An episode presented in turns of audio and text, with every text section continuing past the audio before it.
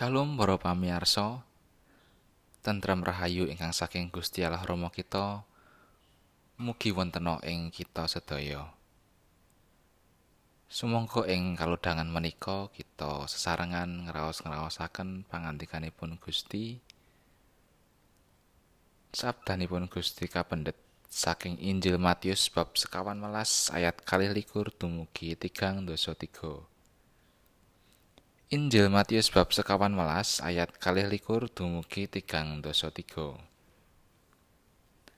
Sawise iku Gusti Yesus banjur dawuh marang para sekabate supaya padha nunggang prau ndisiki tindake menyang ing sabrang dene wong akeh padha kadhawuhan mulih.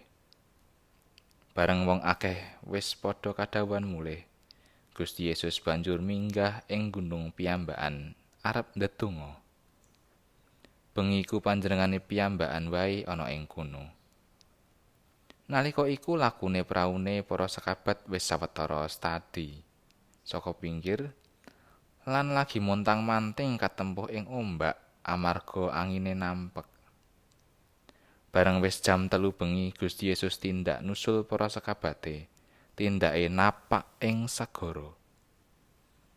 Nalika para sekabat sumurup panjenengane tindak ing sanduwure banyu iku padha kaget lan alok. Ana memedi. Banjur padha jerit-jerit marga saka wedine. Nanging tumuli padha dipangandikani dening Gusti Yesus. Padha dienak atimu, iki aku, aja wedi.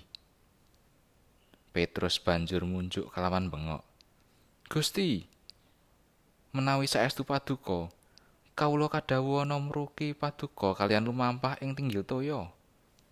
Dawuh Gusti Yesus mrene Petrus banjur mudhun saka ing prau. Lumaku napak ing banyu marani Gusti Yesus. Nanging bareng kena angin gedhe banjur wedi. Teman miwit ambles tumuli bengok Gusti nyuwun tulung. Gusti Yesus enggal-enggal mulung astane nyepeng Petrus sarta ngandika, "He wong kang cepet ing pangandel, ya kene kok mangu-mangu." Banjur padha munggah ing prau, angine tumuli mendo. Wong saisine prau padha sujud ana ing ngarsane lan matur, "Paduka menika saestu putraning Allah." Ayat nas kapendet saking Matius sekawan malas ayatipun tigang dosa setunggal B. He wong kang cepet ing pangandel, ya kene kok mangu-mangu. Renungan dinten menika kaparingan ira-iran pracaya lan sumende. Pancen rasa wedi iku gawe awake dhewe ora bisa kanthi kepenak nindakake samubarangi. Bengi iku karo ngitung usuk ing dhuwur kamar, tresno lumah-lumah karo ngelingi wektu nalika dheweke isih anyaran nyambut gawe ning kantore. Nalika semono dheweke isih bocah kang tas lulus kuliah.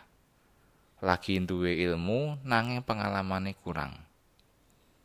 Indeks prestasi kang dhuwur durung bisa gawe dheweke ayem. Ing dina wiwitan nyambut gawe, tresno wedi.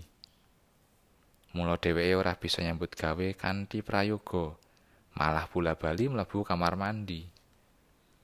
Rasa wedi iku suda mbaka sethithik nalika ketemu karo kanca-kanca kang sedhak ing ati lan nyengkuyung. Nalika nyawang lan ngrasakake panyengkuyunging panca kancane, atine ayem lan dheweke bisa kanthi prayoga nindakake pagaweane.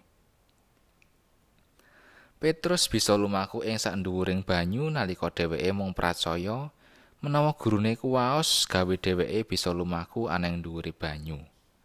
Lan iku kang kelakon.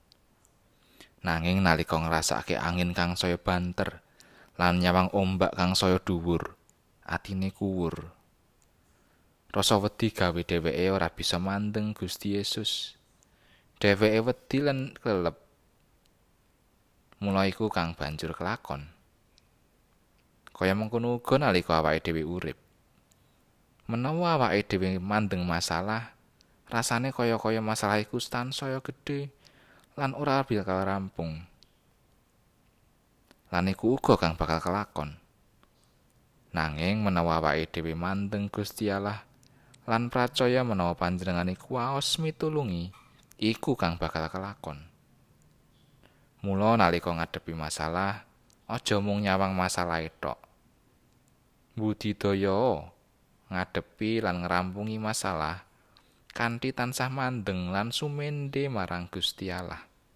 Temtu ana pitulungan. Amin.